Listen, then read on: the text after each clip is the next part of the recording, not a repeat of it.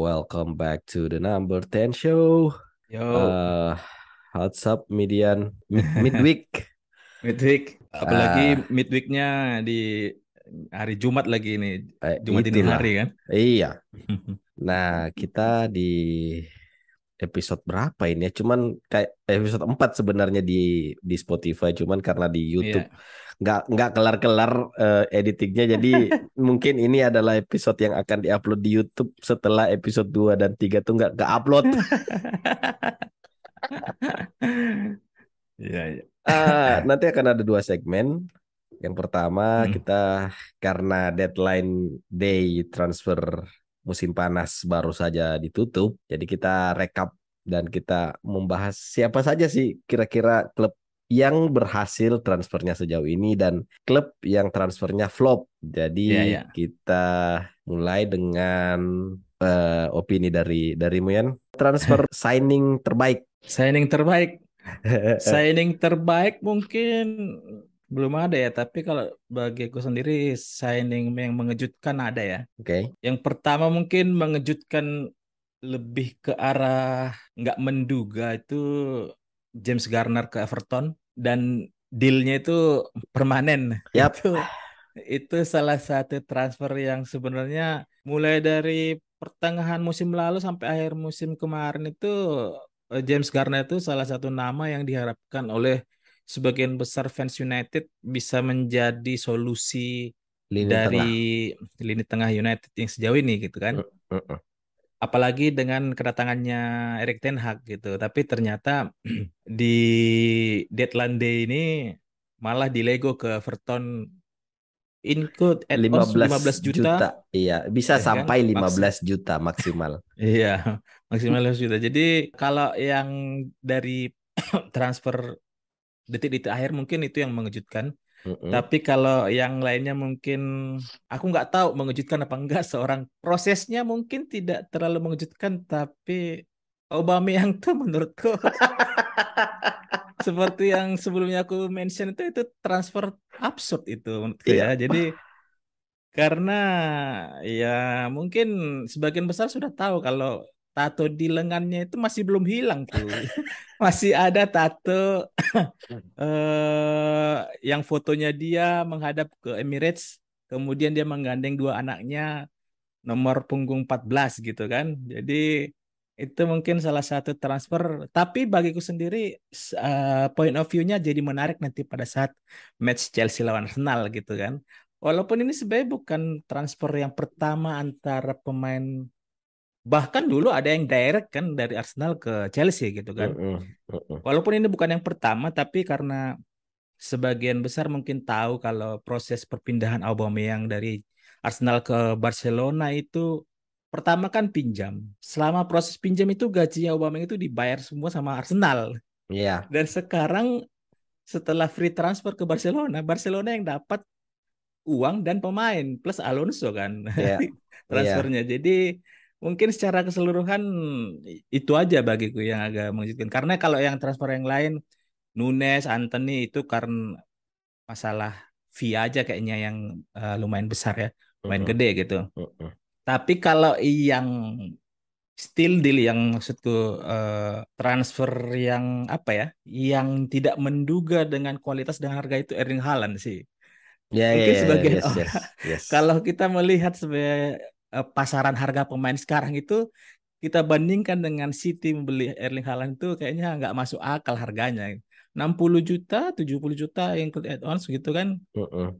Dibandingkan dengan Nunes yang 100 juta include add-ons Dibandingkan gitu. dengan Jadi Anthony yang 100 juta kan? iya. Eh, 90 berapa? 90 sekian?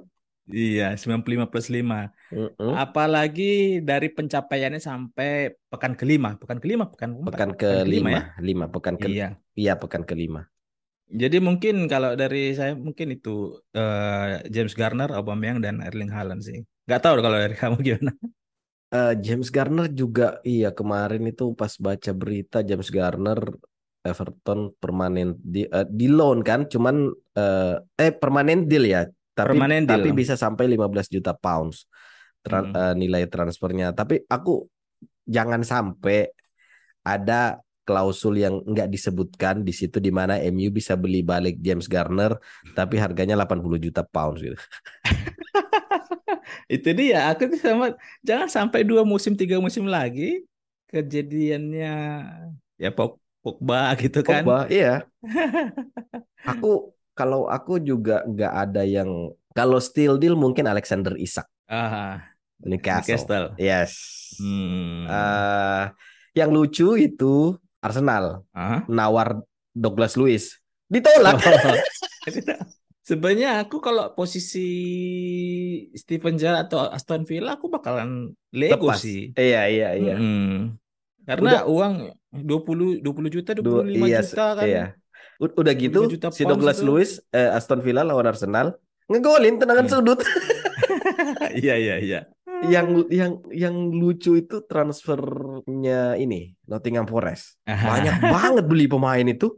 Iya iya. Sama hampir-hampir mirip lah Nottingham Forest dengan Fulham tuh.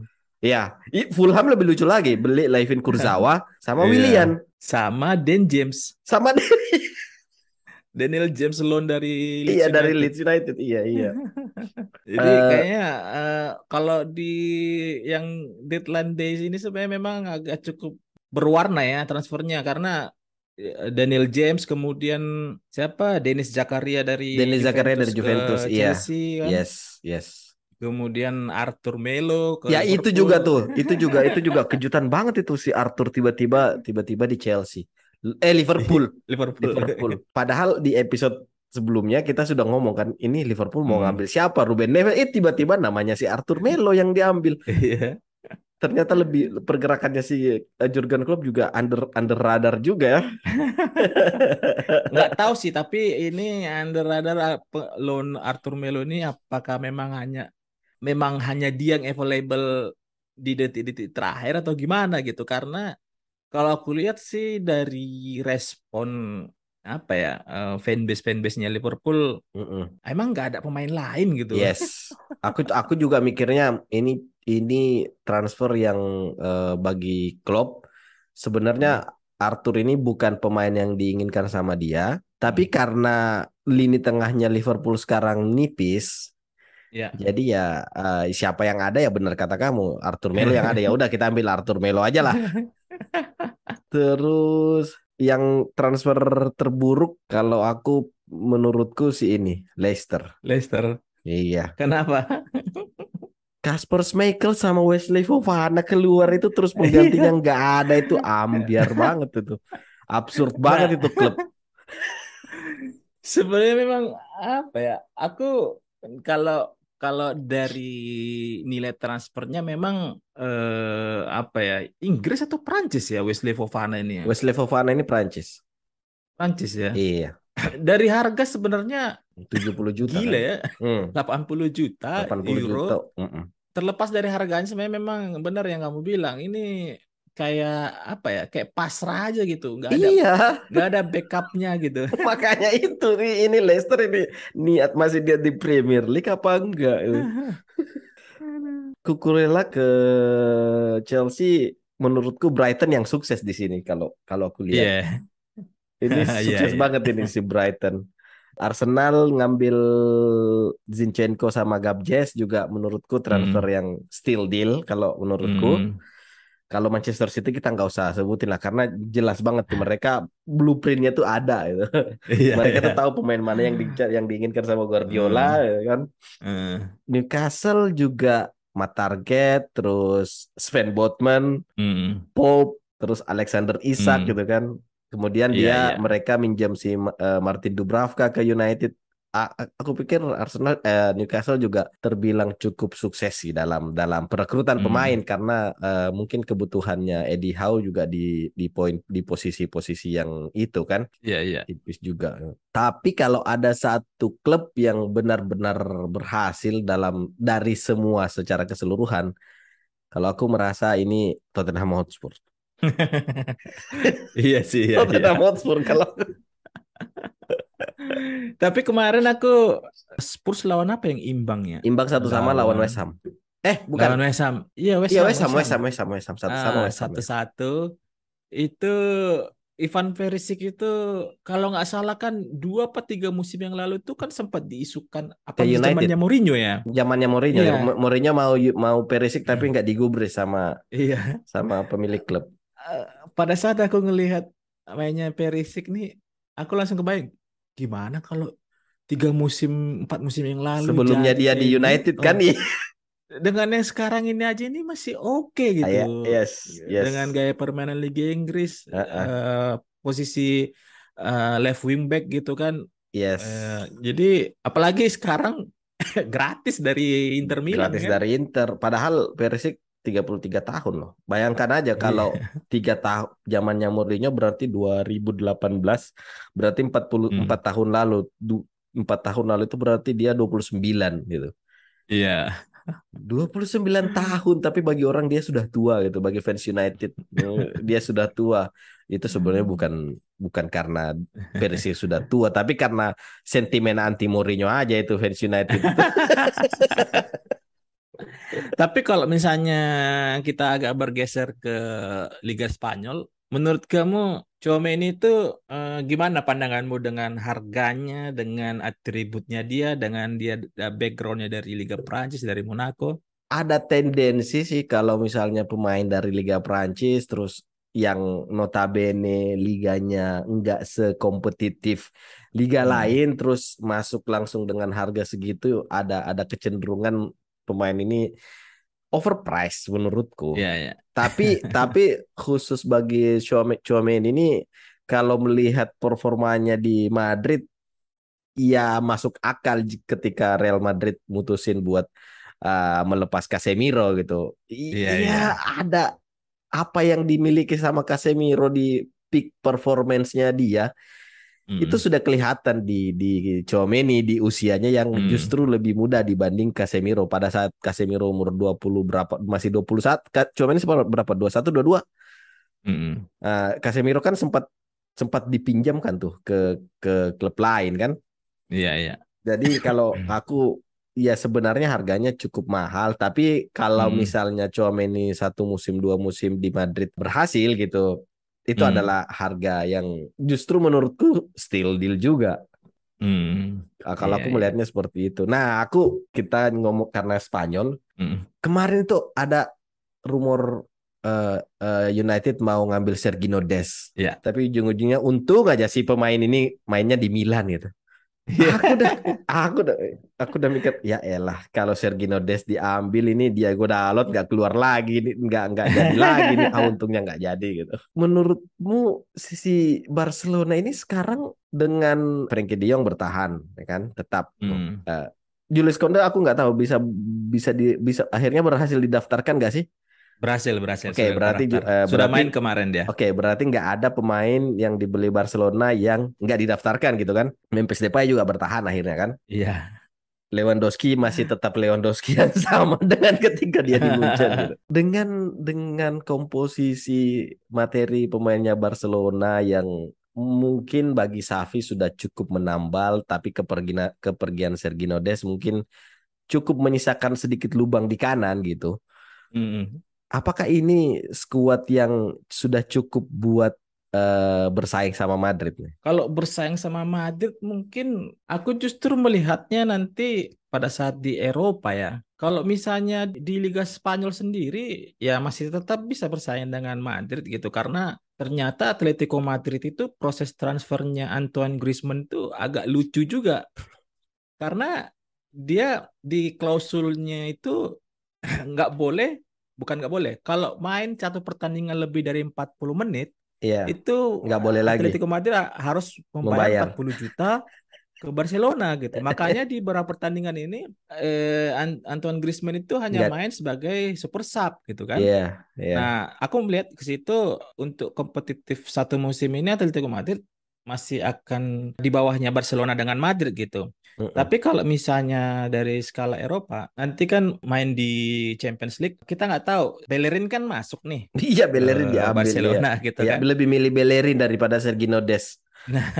Aku ya bisa subjektif, objektif Bellerin tuh sudah habis kayaknya. Yes. Udah habis gitu. Tapi nggak tahu nih, kira-kira nuansa sepak bola Spanyol itu siapa tahu cocok Bellerin kan karena pada saat main di Real Betis juga dia starters terus kalau nggak salah gitu karena memang kebetulan dia dari keluarga yang fansnya Real Betis gitu. Iya. Tapi kalau misalnya bersaing dengan Real Madrid kayaknya sih masih dua tim ini sih yang satu musim ke depan nanti ini yang jadi hmm, papan Liga atas. Spanyol Liga gitu. Spanyol. Iya, papan Iya. atas gitu. Mm-mm. Justru yang memang tadi sempat kamu sampaikan itu, aku sih salah satu orang yang nggak menyangka uh, performa Lewandowski itu uh, masih tetap seperti yang kita lihat di Bayern Munchen gitu kan. Mm-mm. Dan kalau misalnya Osman Dembele juga bisa fit, mungkin ini menjadi salah satu senjata andalannya Xavi uh, satu musim ke depan ini kan. Apalagi tambah Pedri kan. Pedri Yeah. itu memang luar biasa itu. Bocah satu itu nafas kuda Mak- makin gitu kan. matang dia sekarang tuh. Iya.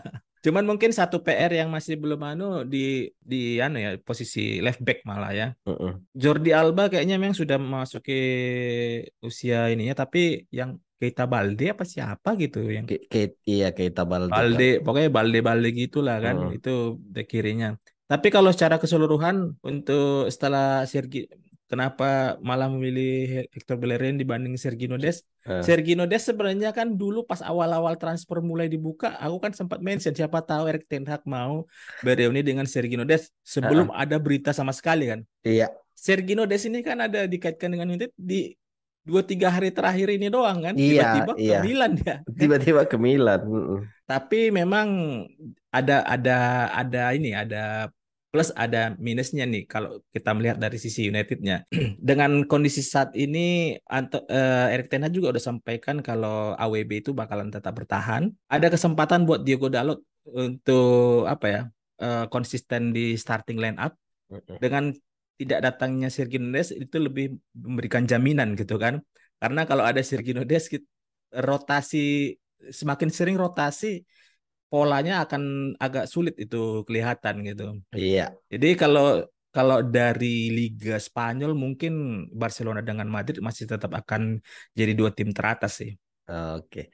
Ah, kita balik ke Inggris. Transfernya United menurutmu gimana? Kalau aku lihat sih ini kalau yang musim-musim sebelumnya kalau kita mau komparasi ke musim sebelumnya ya. Mm-mm. United sebelumnya di era Ed Woodward eh, dengan yang sekarang eh, praktis aku lihat pada saat proses transfernya Anthony aja sih yang kayaknya agak terlihat gegabah dalam hal harga ya. Karena kalau misalnya dibilang ini pembelian yang eh, panik buying memang enggak ya. Karena dari pemberitaan sebenarnya sudah lama karena pada saat Erik Ten Hag ditunjuk pun nama dia pun sudah Sudah diseret-seret muncul. itu Yes. dari bawah gitu kan. Yes. United sih sudah mulai ada perbaikan kalau aku lihat. Karena dari Tyler Malaysia 15 juta kita jarang tuh ngelihat Tyler Ma- pemain 15 juta kita beli. Terakhir kalau nggak salah Diogo Dalot 18 juta. Da- Dalot dari 18 Porto. Dari Porto ya. ya kan? Seorang Ahmad Diallo aja 32 juta tuh dari Atalanta gitu Iya. kan. Sekarang Yes. pinjamkan ke Sunderland Mm-mm. tapi kalau secara keseluruhan Christian Eriksen free itu still deal tuh. Oke. Eh, Lisandro Martinez 45 50 juta oke lah, nggak terlalu mahal gitu kan? Ya. Eh, mungkin orang lebih bukan ke harganya kalau Lisandro Martinez. Masalah ke fisiknya doang nih sekarang di dibawa-bawa gitu kan ke Liga. Tapi ternyata dari aerial duel dan yang lain-lain malah statistiknya dia lebih tinggi daripada Virgil van Dijk gitu kan. Ya. Casemiro mungkin ini yang agak sedikit anu ya, agak sedikit orang ada pro kontranya dibandingkan dengan Lisandro Martinez. Casemiro aku ngelihat karena dengan segala atribut yang dipunya, dengan Prestasinya. prestasinya gitu kan. Bagi United dan Madrid ya win-win solution sih bagi kedua, eh, kedua tim karena di satu sisi Madrid dapat tanda segar dari seorang pemain yang sudah tidak muda lagi. United tidak ada pilihan untuk memberikan eh, backup atau pemain tambahan di lini tengah gitu. Jadi cuman yang jadi pertanyaan apakah Casemiro ini alternatif dari seorang Frankie De Jong yang gagal direkrut atau tidak? Mungkin it- mungkin itu yang jadi eh, pertanyaan sih. Kalau Anthony ya harganya segitu tapi karena dia pemain Brazil, orang sudah tahu dia skillful. Kayaknya nggak terlalu banyak orang yang seperti seperti overprice-nya siapa ya? Maguire mungkin, ya kan? Gitu. Mm. Jadi secara keseluruhan sih transfernya United yang musim ini mix sih, A- agak campuran ya, nggak yang kayak Chelsea itu harganya 40 juta, 60 juta, 80 juta gitu kan. Yes. Jadi kalau dari enam pemain ya Malaysia, Erikson, Martinez, Casemiro, Anthony dengan Dubravka, Dubravka juga lumayan lah untuk jadi backup Pelapisnya, daripada iya. Tom Hinton kan. Betul. Jadi- backupnya Tom Hinton ya, bukan backupnya De Gea. Terlepas dari pemain yang masuk, aku menilai musim ini transfer salah satu transfer terbaik MU karena dari pemain yang keluar. Satu orang yang aku sayangkan, bukan satu, dua mungkin ya yang aku Siapa? sayangkan keluar musim ini Mata. Juan Mata Iya. dengan Cavani. Oh ya, Cavani ke Valencia kan? Iya. Dua musim. Nah, terus ada nggak satu rekrutan transfer signing yang bikin kamu excited? Overall ya. Ya. Yang pertama mungkin Paulo Dybala ya. Oh. Paulo Dybala itu apa ya? Orang mungkin nggak menduga Paulo Dybala itu bakal milih AS Roma gitu. Karena kita tahu dia di eh, di Juventus itu kan dia kapten tuh.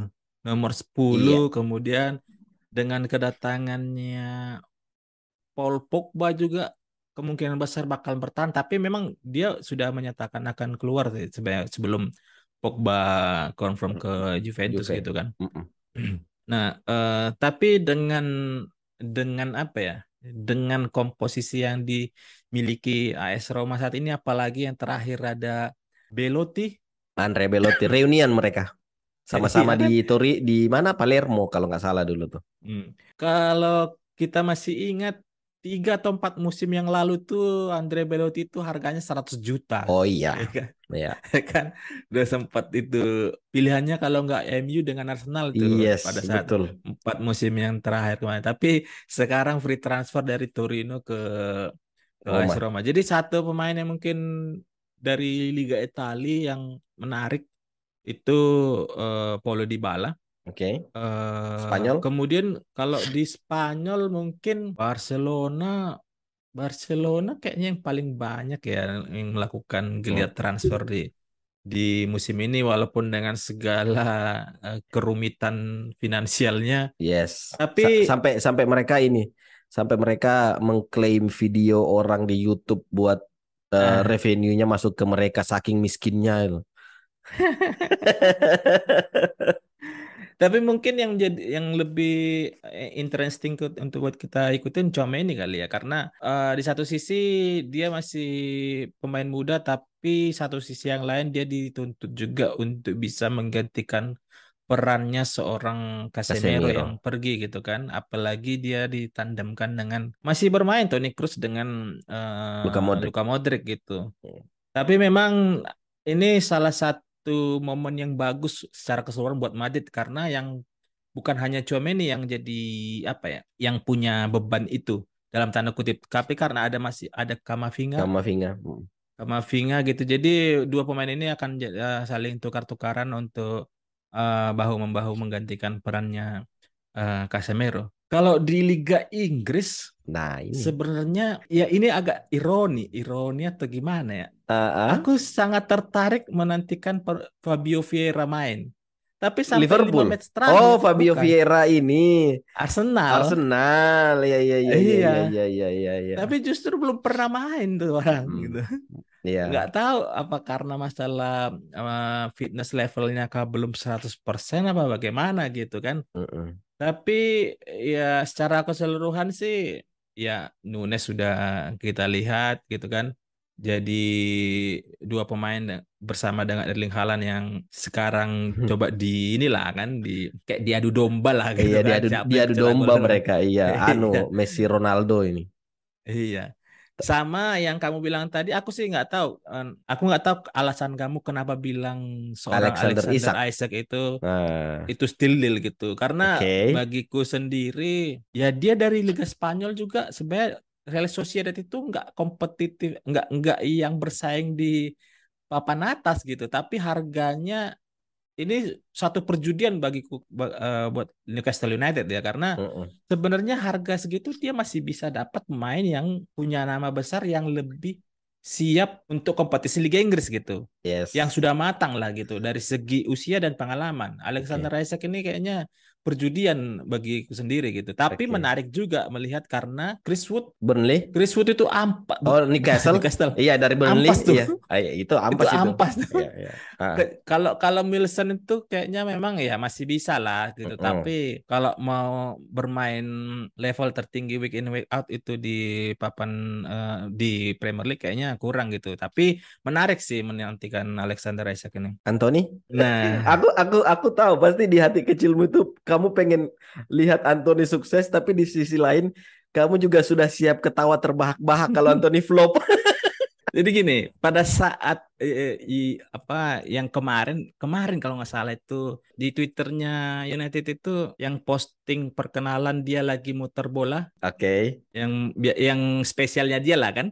Hmm, tahu tahu tahu. Dalam dalam pikiranku itu langsung gini, itu lu nggak bakalan bisa pakai di Liga Inggris. Kalau di Liga Belanda kan yang klipnya itu yang ditunjukkan itu dia yang kontrol bola pakai kayak gaya Neymar tuh kan yang passingnya Lisandro Martinez dari belakang kemudian ke sisi kanan gitu. Mm -mm. Di Liga Belanda itu kayak memang banyak ruang kosong gitu. Akhirnya yeah. jadi punya waktu lebih banyak buat Anthony menunjukkan skillnya gitu. Mm -mm.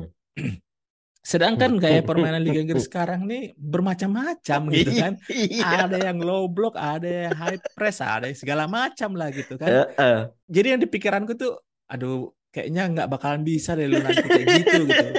Karena yang jadi gambaran tuh seorang Sancho gitu. Sancho itu di Bundesliga itu yeah, kurang apa yeah. lagi gitu kan. Iya. Uh -uh.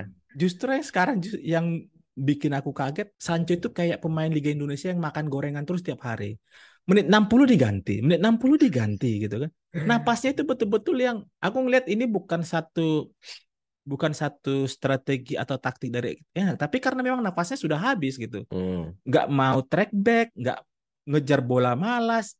Mungkin inilah pemain yang dimention sama Evra atau Ferdinand kalau nggak salah yang dibilang pemain muda United potensial sekarang sekali lewatin pemain udah selesai gitu nggak ada lagi gitu. hmm. jadi Anthony sih kayaknya ya aku aku nggak sabar nunggu Anthony uh, baku hantam sama Kukurela kalau aku transfer pemain yang apa yang cukup pengen melihat se hmm. se excited, excited apa, iya excited gitu kan si Arkadius Milik mana dia Juventus. Oh iya iya iya iya. Itu padahal kalau dipikir si Arkadius Milik sama Dusan Vlahovic itu gaya mainnya mirip-mirip hmm. gitu loh. Iya iya. Tapi nggak tahu kenapa Juventus milih Arkadius Milik itu entahlah cuma Massimo Allegri yang uh, Massimiliano Allegri saja yang tahu gitu. Terus kalau dari uh, Spanyol aku nggak begitu ini. Pak aku Pak hmm. aku cuman fokus di Inggris aja sih selama transfer ini kan. Soal hmm. tadi kamu nyebutin si Fabio Vieira, aku merasa Fabio Vieira itu belum dapat tempat di hatinya Arteta. Hmm. Si si siapa? Si sebersama ketika Enketia hmm. yang sering kali uh, di, di jadi super sub jadi super sub tapi baru dapat kesempatan itu setelah di pertandingan lawan Chelsea debut kan debut starting hmm. pertama dan nyetak iya, dua gol kalau nggak salah ya iya. empat dua Arsenal menang kan iya iya itu memang pro, si Arteta ini kalau aku lihat dari dokumenternya Arsenal, dia memang hmm. secara personal uh, memantau pemain gitu kan. Siapa hmm. dia memang suka pemain muda karena mungkin di dalam ininya dia pemain muda itu gampang buat di dikontrol, gampang buat di hmm. brainwash atau seperti yeah, itu. Tapi yeah. dalam dalam sisi positif gitu. Hmm. Si Nketiah itu progresnya selama training bagus, cuman Arteta nunggu momen hmm. sampai si Nketiah ini benar-benar siap gitu dan aku merasa yeah, iya. Fabio yeah. Vieira itu termasuk uh, ada di posisinya Nketiah sekarang. Iya yeah, iya. Yeah. Alexander Isak, kenapa aku hmm. bilang Alexander Isak aku tertarik dengan Alexander Isak karena aku hmm. aku ngikutin aku follow siapa ya si Karl Anka atau siapa gitu. Pokoknya ada uh. beberapa uh, pandit internasional yang aku follow dan mereka hmm. memang highly rated si Alexander Isak ini. Karena dia besar tapi bisa build up, bisa bisa bisa ikut andil dalam uh, proses serangan gitu. Hmm, iya, dia kencang juga gitu. Iya, iya. Powernya iya dapat gitu. Mirip sama strikernya Athletic Bilbao, Inaki Williams. Nah, ki- iya, iya. Nih, Modelnya kayak gitu. Hmm. Cuma Alexander Isak masih lebih lebih powerful kalau Inaki Williams tuh memang speednya ancur-ancuran kencang banget itu. Dan aku pikir dengan hadirnya Alexander Isak jadi eh, ada variasi serangan juga sih di Newcastle karena nggak mungkin itu si Eddie Howe ngandelin Chris Wood terus atau ngandelin Callum Wilson gak, gak. Atau geser Seenggaknya dia bisa bisa bisa eh, kombinasi play sama Bruno Gimares gitu Alexander Isak. Iya. Tapi memang dia pemain Swedia yang Iya, Swedia Dia sama pemain- Anton Elanga. Nah, Anthony Elanga sama Alexander Isak itu adalah dua pemain Swedia yang bagi orang Swedia atau orang yang ngikutin Swe- eh, tim timnas Swedia, dua pemain ini memang highly rated gitu. Gimana perasaannya Ibrahimovic ya? Si A, kalau nggak salah si ini Siapos Falahi kalau nggak salah yang aku ikutin tuh yang yang highly rated Alexander Isak tuh. Terus eh, aku sebenarnya penasaran sama performanya Morgan Gibbs White Forest Yang yang, yang Forest dari ya. Wolves ya. Iya. karena harganya terlalu Tinggi tinggi, tinggi banget kan. Iya. Tapi waktu aku nonton Forest di match lawan, Lawan apa ya? Spurs. Bukan Lawan Spurs. Lawan bu- bukan lawan Iya lawan Spurs bener lawan Spurs. Iya, lawan Spurs tuh. Itu itu lumayan. kalah 2-0. Itu lumayan Iya. loh sebenarnya dia. Cuman di mau, mau dibandingkan lagi dia itu apa Inggris kan? Aku pengen dia berhasil tapi di satu sisi ya dia pemain Inggris gitu loh. Apa bedanya dia sama Anthony Gordon? Iya, iya. Ya kan? Tapi yang mungkin yang agak berwarna proses transfernya West Ham nih ya. Ada Skamaka, ada Lucas Paqueta. Lucas Paqueta ya. Tapi sampai sejauh ini belum ada kelihatan hasilnya gitu. Karena ada Emerson Emerson Pereira dari Chelsea yang back kiri Mm-mm. itu eh, pindah ke West Ham juga. Max Maxwell Cornet yang dari Burnley yang dari dulu kalau nggak salah di Lyon di Lyon kayak nggak salah itu dia lumayan ini juga tapi masih tidak bisa menaikkan performa West Ham United sejauh ini. Sepertinya transfer segmen ini cukup. Kita Ya. akan balik di segmen kedua review eh, midweek sekaligus prediksi Super Sunday Arsenal Ya. versus Manchester United.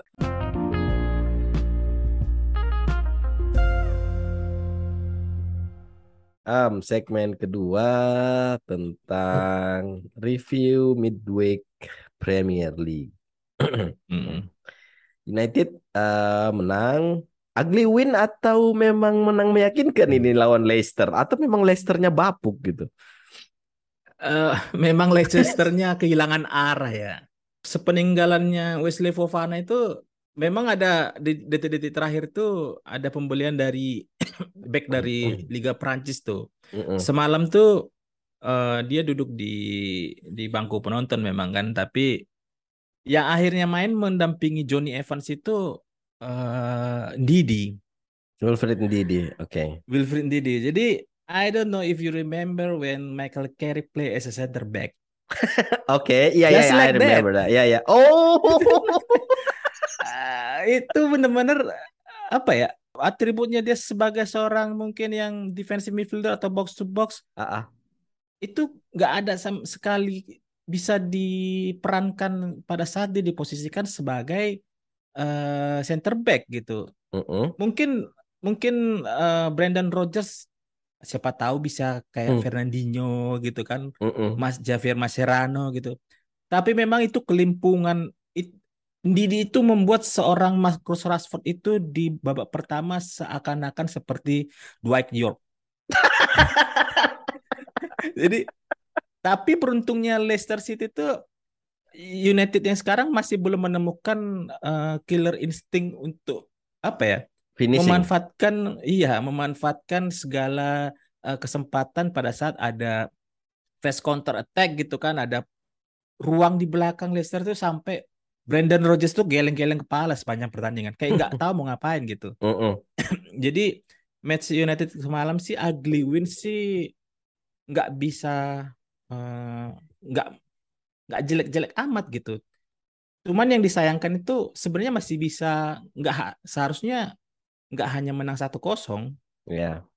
di match malam sebenarnya justru di satu kesempatan itu MU beruntung karena kalau nggak dua tiga kesempatan itu MU selalu melakukan pelanggaran di depan kotak penalti.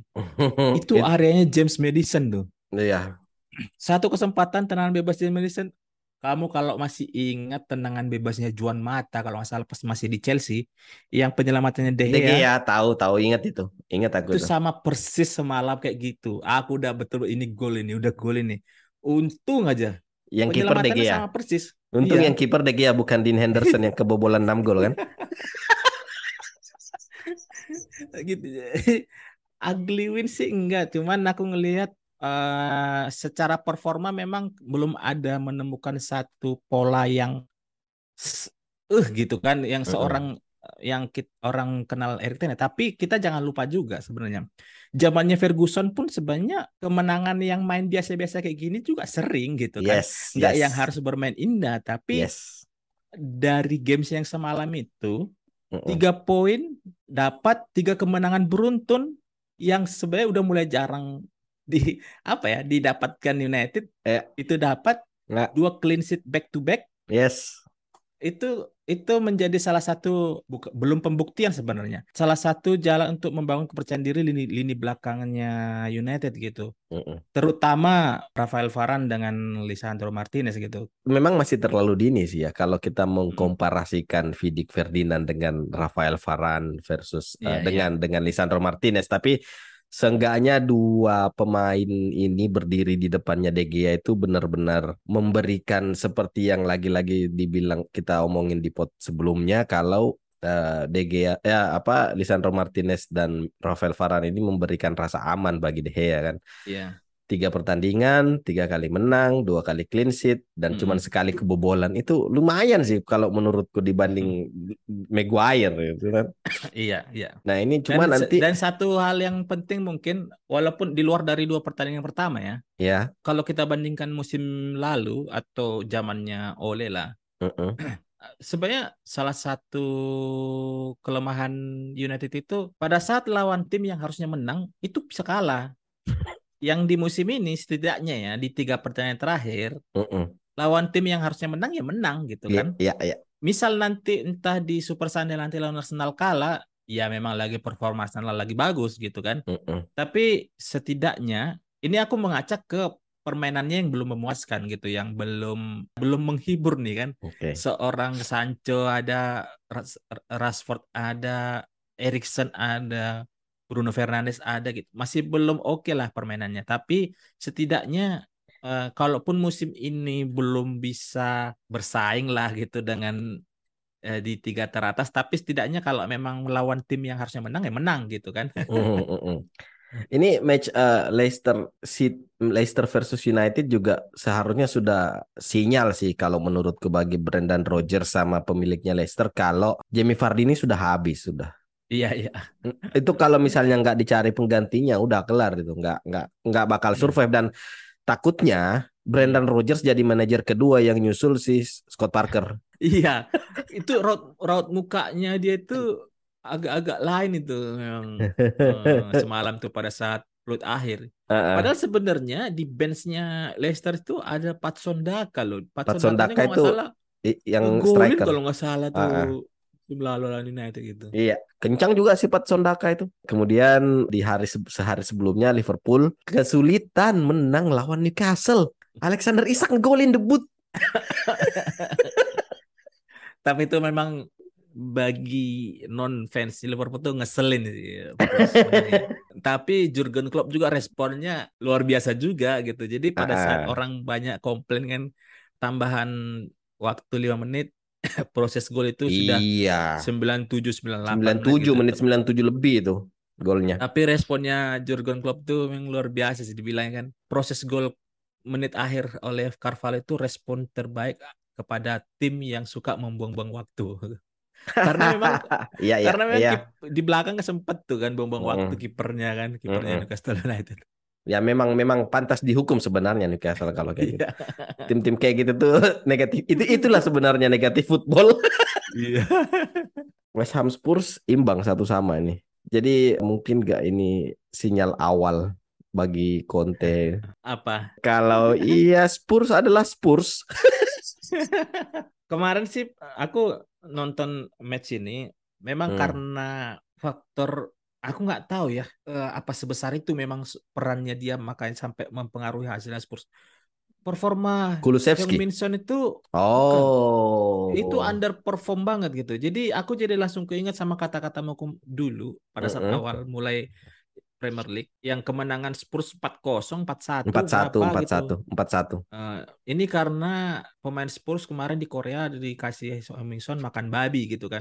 Ini mungkin karma yang diterima Son karena sudah kasih makan babi teman-temannya, dia jadi dia jadi underperform gitu.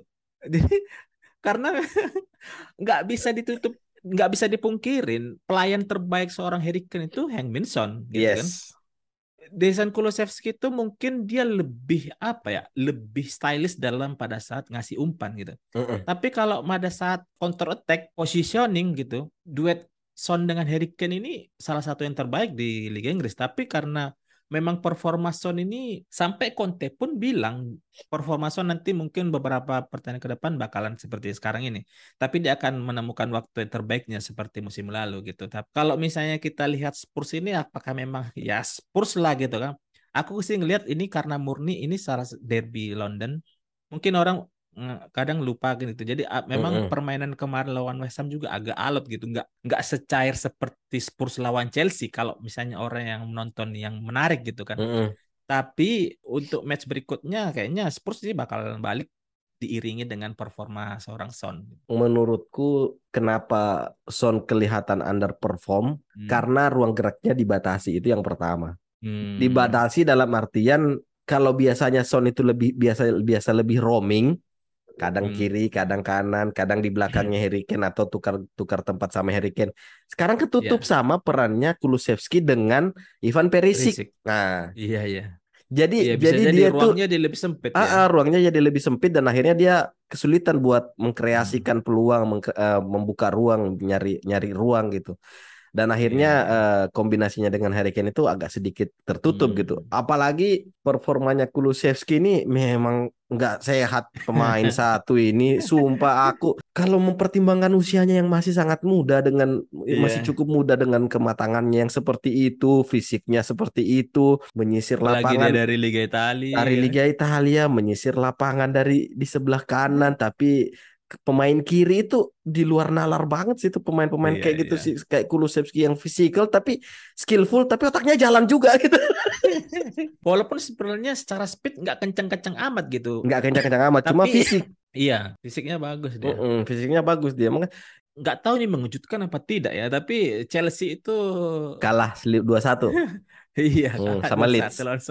Southampton. Southampton ya Southampton ya ya Hmm. Itu gimana Padahal tuh? sebenarnya sebenarnya kalau dari segi permainan awal-awal tuh Chelsea lumayan jalan sih apa yang diharapkan Thomas Tuchel kayaknya ya. Tapi malah di momen gol pertama Soton itu kayak langsung drop tuh karena memang bisa jadi faktor karena setelah golnya Sterling nggak Iya lama itu langsung dibalas gitu kan. Mm-mm. Jadi faktor psikologinya langsung drop tuh. Apalagi kayak Havertz itu aku nggak tahu bisa jadi anu ya. Dulu kalau nggak salah dia memang bukan bukan striker yang di tengah gitu. kan dia tuh Winger dia. winger iya dia winger sebenarnya Jadi mungkin mungkin bisa jadi ya kedatangan Aubameyang ini bisa jadi solusi buat di depan Chelsea gitu. Oke, ah, itu cuma intermezzo aja sebelum kita masuk ke Hmm. eh, gongnya nih. Super Sunday, Arsenal Manchester United. Eh, seberapa besar, seberapa matang kedua tim menghadapi Super Sunday ini? Super Sunday apa Super Saturday sih? Super Sunday. Super Sunday ya. Iya. Super Sunday eh, Arsenal belum pernah kalah. Mungkin ini peluang Iya. bagi ETH buat Memutus mencoba rentetan. Membuat Arsenal sadar kalau mereka itu Arsenal. Tapi di Ah. tapi di satu sisi Arsenal juga punya eh eh, Jesus. Iya, punya Jesus gitu kan. Dan kita nggak bisa bermain-main dengan Jesus gitu loh. Sementara di Uh-uh. sisi United pastor di bangku cadangan. Ih, itu dia. Itu dia mau ma- kita mau men- membenturkan antara pastor dengan Jesus kayaknya bakal sulit gini kan sulit itu kejadian itu. Bagi yang belum tahu pastor itu siapa itu Pastor Fred. Praktis mungkin yang jadi sedikit pompong eh sedikit eh, handicap bagi Arsenal itu cuma dua sisi full dua fullbacknya sih ya.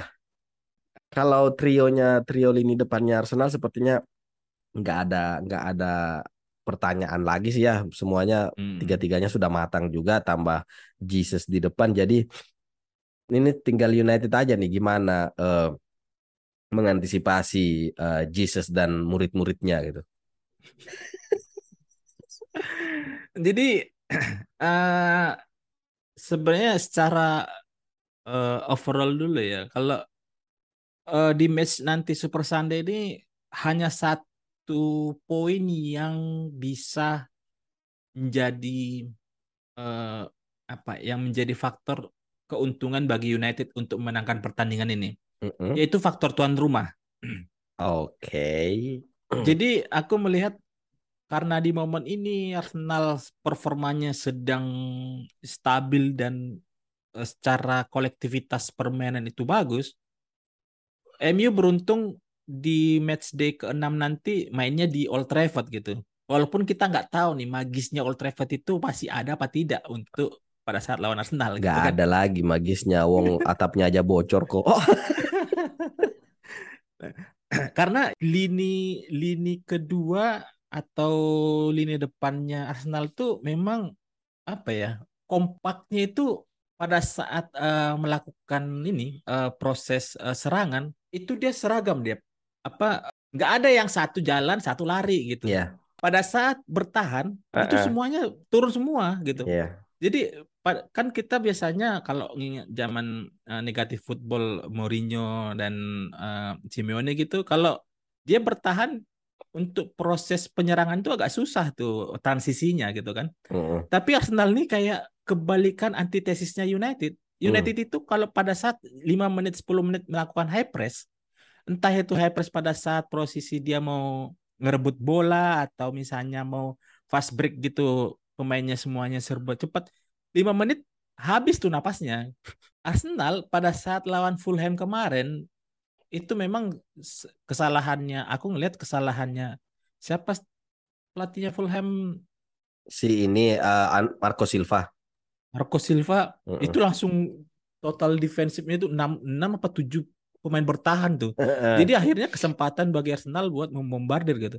Nah, aku ngelihat ini match nanti bakalan jadi miliknya Arsenal sih. Kalau aku ngelihat ya secara Mhm. keseluruhan. Mm-mm. Tapi kita nggak tahu eh, kira-kira eh, apakah gaya permainan MU ini akan seperti pada saat lawan Liverpool. Mm, yang Pada main saat lawan bola-bola Liverpool atas juga, itu. iya. Pada saat Hmm. lawan Liverpool aku juga udah menduga kemungkinan besar kalau nggak 3-0, 4-0 lah ini kalah MU gitu kan. Mm-mm. di tiga pekan yang terakhir ini eh, aku nggak masih nggak mau mempunyai harapan seperti zaman-zaman tahun 2005 sampai 2015. Kalau kita ngelawan big match itu masih pede tuh ini bakal menang nih gitu kan. Di 10 tahun terakhir nih nggak punya Iya, nggak iya. punya optimisme itu gitu kan. Heeh. Tapi tapi satu sisi semoga yang tiga tiga kemenangan beruntun United ini bisa menjadi salah satu eh, awal yang bagus untuk eh, match di minggu nanti gitu. Kalau misalnya dari lini belakang, mungkin yang jadi mungkin nanti yang menjadi salah satu area yang bisa dieksploitasi sama pemain United itu di sisinya Kieran Tierney ya, karena Zinchenko kayaknya masih cedera. Mm-mm. Padahal di match day 1 dengan 2 kayaknya Zinchenko Main nggak tahu match day keberapa dia mulai cedera gitu. ketiga kayaknya. Tiga apa dua gitu. Posnya eh, posnya Tierney itu kayaknya dia kayak kayak kayak baru musim pertama main di Liga Inggris gitu. Mm-mm. Apalagi lawan Aston Villa kemarin. Mm-mm. Nah, Martin Odegaard ini memang kartu joker, kartu asnya Arteta yang bisa bisa didapatkan atau di dikeluarkan oleh seorang Arteta kemampuan Odegaard dipilih jadi kapten memerankan peran nomor 10 playmaker bagi bola kanan kiri depan Ya. Itu memang salah satu menjadi kunci kayaknya di uh, Arsenal musim ini uh, perannya Martin Odegaard gitu. Kalau melihat lawannya Arsenal, uh, lini tengahnya Arsenal masih ya seperti pertandingan-pertandingan sebelumnya yang holdingnya gitu. Hmm. Seberapa besar peluang Casemiro untuk jadi starter kira-kira nah, di pertandingan ini? Di press conference match setelah lawan Leicester tadi malam tuh Erik Ten Hag bilang gini, Casemiro dan Ronaldo itu akan dimainkan dari menit pertama pada saat uh, fitness levelnya 100%. Hmm. Uh, sebenarnya kalau dari kesiapan mental katanya siap gitu. Oke. Okay. Kalau misalnya aku lihat kayaknya kemungkinan besar winning timnya MU masih bakal tetap dipertahankan ya. Hmm. McTominay dengan Erikson tuh masih bakal jadi double pivotnya ini gitu. Kecuali kalau misalnya nggak tahu, kan udah lima pertandingan ini, sorry berapa per, uh, empat pertandingan, tiga pertandingan starting eleven United selalu itu. Selalu iya. Nggak nggak tahu nanti apakah di hari Minggu fatik mungkin faktor kelelahan ya. kelelahan ya. yes eh, bisa jadi ini salah satu momen juga untuk melakukan pergantian dari starting eleven sebelumnya gitu dan mm-hmm. kemungkinan besar Casemiro eh, bisa main entah itu kemungkinan besar aku lihat justru menggantikan Christian Eriksen ya mm. karena udah berapa pertandingan Eriksen starting terus dengan iya dengan Bruno Fernandes tuh kayak tumpang tindih Namun, ininya. Semoga sih bisa uh, apa? Coba diganti skemanya dua uh, Erikson dan Bruno Fernandes mungkin jangan dimainkan bersama. Uh -uh. Casemiro bisa untuk menjaga keseimbangan di tengahnya MU gitu. Berarti sama uh, Bruno Fernandes sama Erikson ini kalau misalnya kita uh, ambil perbandingan sama ketika Frank Lampard dengan Steven Gerrard di timnas Inggris. Iya iya iya. Iya, tak baku tabrak itu iya, mereka berdua. Uh -uh. Mungkin cuman akan... memang nggak tahu apakah masalah chemistry kali ya, nggak tahu ya. Hmm. Mungkin mungkin chemistry, mungkin juga uh, karena dua pemain ini karakternya sama. Hmm. Cuma kalau dari segi kecerdasan intelektual aku lebih lebih lebih melihat Erikson sebagai pemain yang iya, iya. bisa iya. berpikir uh, lebih tenang kan lebih tenang iya betul jadi mungkin reading gamenya juga lebih bagus yes betul jadi mungkin kalau misalnya Ten Hag uh, mau mencoba tetap memainkan dua pemain ini ya mungkin ditukar aja posisinya jadi yang satu lebih hmm. uh, holding yang satunya uh, lebih kreasi gitu kan mengkreasikan hmm. peluang hmm. dan itu mau nggak mau ya Bruno karena memang dulu di di Udinese sama Sporting itu Bruno Sampdoria. memang posisi aslinya di ini di mana? Di Sampdoria. Eh Sampdoria ya. Hmm. Bruno memang posisi aslinya di gelandang tengah gitu. Hmm. Jadi ya uh, mungkin bisa dipertimbangkan itu. Tapi aku melihatnya semoga saja kalau Ronaldo main ada siu lagi gitu. Ada siu lagi dan uh, mungkin seperti yang uh, di artikel uh, The Athletic yang aku screenshot tempo hari yang uh, Anthony akan mengunlock Anthony Martial dan Cristiano Ronaldo. uh, uh, kalau dari perbandingan antar lini gitu, dari segi kualitas penjaga gawang, hmm. apakah Aaron Ramsdale menurutmu sudah layak untuk mengisi posisi sebagai nomor satu Inggris? Dan dibandingkan dengan De Gea apakah kualitasnya Ramsdale yang sekarang itu sudah hampir sama dengan atau menyamai kualitasnya De Gea di 2013 atau 2003 musim itulah di 2013 14 15 16 kalau misalnya aku yang jadi Gareth Southgate aku malah pilih Ramsdale. Dari Pickford? Jadi dari dibanding Pickford gitu. Karena hmm. kenapa katanya emang Pickford ini anak kesayangannya Gareth Southgate. Makanya dia jadi nomor satu. Kenapa aku bilang gitu? Kalau misalnya mau sekalian kita bandingkan dengan De Gea ya, uh-uh. aku ngelihat kalau dari sisi kualitas mungkin kita masih belum bisa anu ya karena De Gea sudah bisa membuktikan uh. beberapa tahun bertahan dengan uh, pemain yang beda-beda. walaupun ya goalkeeper konvensional gitu. Iya, yes, yes, yes. Dia dia dia survive di tengah uh, sepak iya, bola modern siap, ya. Iya. Mau siap dari udah ya kalau misalnya dibilang dia udah menjadi salah satu eh, legendanya MU gitu dengan Yes. dari kalau kita lihat dari durasi dia bertahan di MU gitu kan. Mm-mm. Tapi kalau misalnya mau ngelihat segi kelengkapan apa ya lebih komplit, aku lebih suka Ramsdale. Ya. Terutama Ramsdale ini salah satu kiper yang nyentrik, nyentrik dalam hal intimidatif ke striker lawan. Dia mau Yes. tuh berekspresi bagaimana atau melakukan apa ya provokasi Iya. buat menurunkan mental lawan gitu kan. Hmm. De Gea itu kayaknya nggak ada yang kayak gitu. Paling kalau emosi ya emosi kayak dorong gitu kan. Tapi Ah, ah. kalau Ramsdale ini raut mukanya itu ngeselin kadang gitu. Iya. Muka- Hampir mirip seperti Emiliano Martinez. Oh, ngeselin mukanya tuh Martinez. Aku memang awalnya kaget pada saat Arteta membuang memilih Ramsdale dan membuang Leno. Leno, yes. Karena Ben Leno itu dua musim kalau nggak salah menjadi pilihan Utamanya. eh, Arsenal dan selalu membantu eh, pada saat kondisi-kondisi buruknya Arsenal jadi penyelamat eh, terakhir gitu kan. Mm-mm.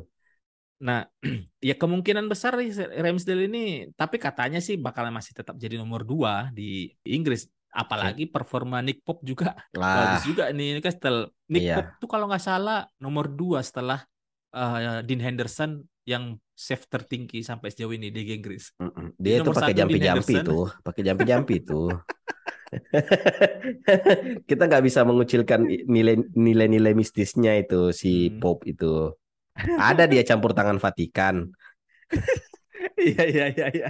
Tapi Ramsdale bisa jadi lebih komplit dibandingkan De Gea ya. Eh, Ramsdale juga bisa eh, shot stoppernya bagus gitu kan. Ball playingnya juga oke gitu, nggak yang langsung kayak sekarang tuh De Gea dikit-dikit dapat bola buang depan, buang depan Yes. gitu kan. Yes. Ini juga apa kalau memang dari eh, pembawaan personality memang benar katamu tadi si Ramsdale itu provokatif dari segi muka, Hmm. dari segi omongan gitu. Iya. Bahkan bahkan nggak nggak jarang loh kita lihat dia itu mengintimidasi teman sendiri gitu. Dia yang ngasih komando di lini belakang gitu tiap kali Iya, ada iya. serangan atau tiap kali mereka diancam, timnya eh, gawangnya diancam, dia tuh yang marah-marah ke pemainnya. Kalau kita mau me- membandingkan dengan De Gea, ada berapa kali coba De Gea itu marah-marah Hmm. ke Maguire atau ke Varane. Paling mentok, paling mentok De Gea emosi dengan Maguire itu pas pertandingan lawan mana tuh yang sampai-sampai sekarang tuh masih sering diputar-putar tuh. Yang yang ada salah. bola tapi dia dia dia bukannya ngasih ke Maguire. posisi posisinya sulit gitu ke mana gitu. tapi dibanding ngasih ke Maguire yang kosong dikasih ke Shaw yang sebelah kiri yang ada pemain itu. It- itulah bentuk emosinya De Gea gitu. De, De Gea ini mungkin mungkin tampilannya aja yang ekstrovert tapi sebenarnya dia itu di introvert. tapi memang sih di ruang gantinya Arsenal pun Ramsdale itu memang iya dia bahkan kebobolan pun maksudnya Hmm. kebobolan tapi hasilnya tuh Yang seri atau mau menang. mau clean sheet harusnya bisa clean sheet. Iya, tapi nggak jadi jadi clean sheet, ah ah, nggak kebobolan. Itu di ruang ganti kayak meratapi nasib nggak juara gitu loh. Ini, ini orang bener, ini orang bener-bener eh, kayaknya menghayati banget gitu loh sebagai Hmm. sebagai penjaga gawang gitu. Kalau lini belakang pemain belakangnya United lawan dengan head to head dengan empat pemain belakangnya Arsenal, kira-kira apakah United masih unggul dibanding Arsenal atau dua pemain ini sama kuat? Eh dua tim ini sama kuat dari sisi belakang. Kalau misalnya disuruh milih dua center back itu aku bakalan milih William Saliba dengan Rafael Varane ya. Karena aku nggak sih nggak menyangka ternyata William Saliba itu semonster itu kalau body body balance, Hmm. body strength-nya itu kita nggak expect dengan postur tubuhnya. Yes, ya ya. Nggak yang besar-besar amat, nggak tinggi-tinggi banget, tapi Hmm. body strength-nya itu pada saat mau body ball gila sih William Saliba. Dan yang bikin yang nggak nyatakan itu karena sudah beberapa kali eh, dipinjamkan gitu kan ke Iya. Liga Prancis kembali Mm-mm. ke Marseille gitu. Kalau dari kedua fullbacknya, kalau mungkin dibandingkan dengan si Jinsenko, ya Jinsenko masih anu dibanding Malaysia gitu. Tapi karena head to headnya ini mungkin kemungkinan besar dengan Kieran Tierney, Tierney kayaknya kayak pasca cedera itu Iya, kepercayaan dirinya itu agak hilang menurun. tuh. Yes, yes. Hmm. Cedera ligamen kalau nggak salah. Ben White dengan Dalo ini agak beda karakter ya aku Ya. lihat ya. Ya. Dalo ini lebih agresivitas ofensifnya itu lebih tinggi dibandingkan Ben White gitu. Tapi kalau mau menjaga kedalaman lini pertahanan, Ben White itu lebih oke dibandingkan Dalo gitu. Hmm. Kalau kita membandingkan lini tengah kayaknya me- ya sama-sama lah kecuali mungkin Casemiro gitu di atas eh, pemain-pemain Hmm. Arsenal. Jadi kalau lini depan si membandingkan Jesus sama Kambing kayaknya agak-agak gimana gitu. Kambing siapa? Greatest of all time. Apa? Kayaknya memang nggak nggak nggak nggak bisa dikomparasi gitu. Iya. Yang mau dikomparasi memang sebenarnya Marcus Rashford, tapi dalam hal ini konteks di sampai sejauh ini lima pekan ya Gabriel Gabjes masih Yes. eh, jadi pilihan gitu kan. Aku sih Iya. lebih menyoroti tiga orang di belakangnya Gabjes gitu dengan Oh. dibandingkan dengan tiga orang Tiga di orang di belakangnya belakangnya Marcus Rashford Rashford. Ah, ah. gitu. Secara overall eh ya tiga di belakangnya Gabjes ini memang saat ini lagi on fire semua gitu. Mm-mm. On fire dalam hal karakternya itu ya ofensifnya gayanya Arsenal gitu, yang Hmm. sporadis pada saat melakukan serangan. Gak ada yang misalnya ada yang mikir dulu baru passing, lihat kanan kiri. Ini proses penyerangannya itu yang gemuruh stadion itu langsung kedengaran tuh pada Ah, saat tiga pemain ini.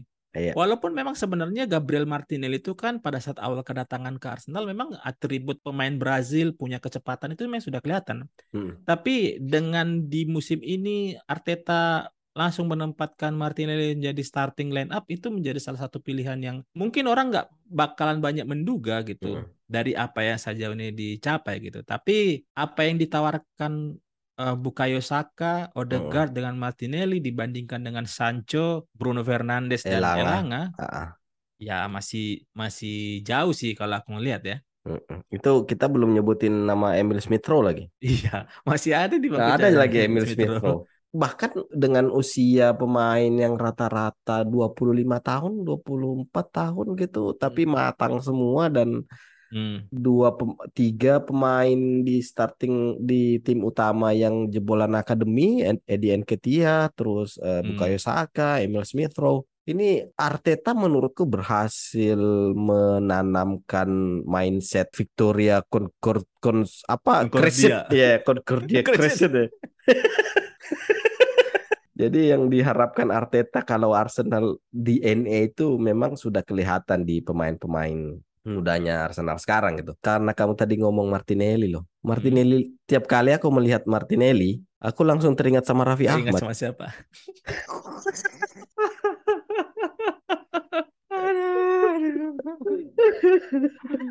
Iya iya, Raffi Ahmad pas awal-awal jadi artis ya, mukanya anu polos-polos gana gitu.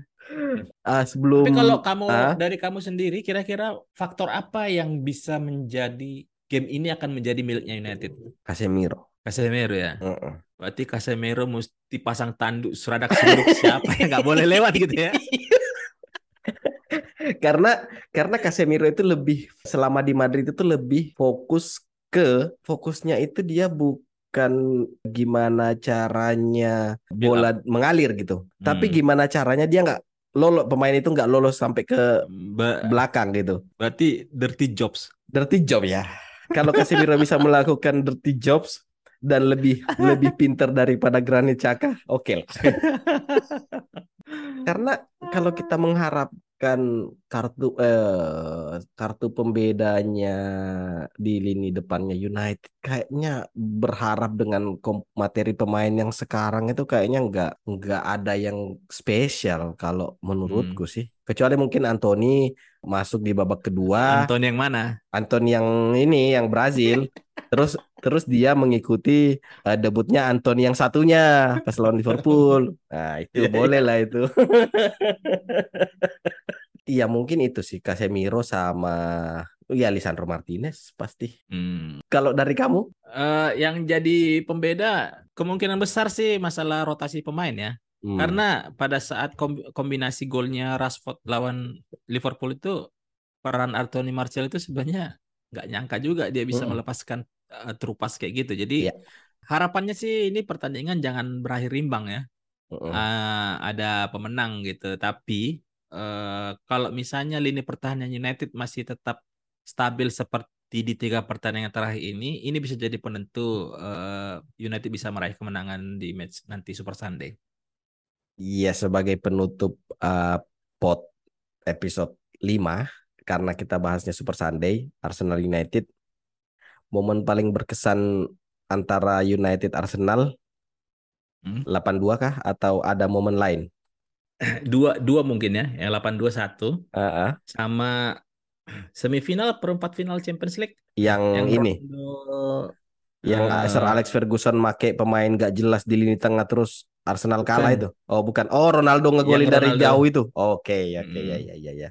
itu sih. Itu itu fa- fast counter attack-nya United itu kacau banget sih, nggak ada obat itu Park Ji-sung, Rooney, Ronaldo itu nggak ada obat itu. Nggak ada obat itu bener. Aku pikir tadi kamu mau nyebutin ini yang komposisi absurdnya Sir Alex line-up-nya yang FA, masih F apa atau FA itu ya? FA, FA, iya. Yang Daron Gibson terus Rafael, Iya. Fabio, Iya iya. John Osi. John Osi itu itu komposisi paling absurd tapi menang. Prediksi skor Kemungkinan besar bakal alot ya kayaknya seperti Liverpool lawan Liverpool. Hmm. Karena Erik Ten Hag kayaknya dia nggak mau terlalu gegabah ya masalah menerapkan strategi yang diinginkan, tapi lebih ke bermain efektif ya. Mm-mm. Justru lebih mengarah ke efisien gitu. Jadi aku sempat tadi pagi tuh kebayang pada saat selesai nonton kan. Ini kayak nonton zamannya Mourinho di Chelsea, satu kosong, satu kosong gitu kan. Mainnya mainnya bikin emosi gitu kan.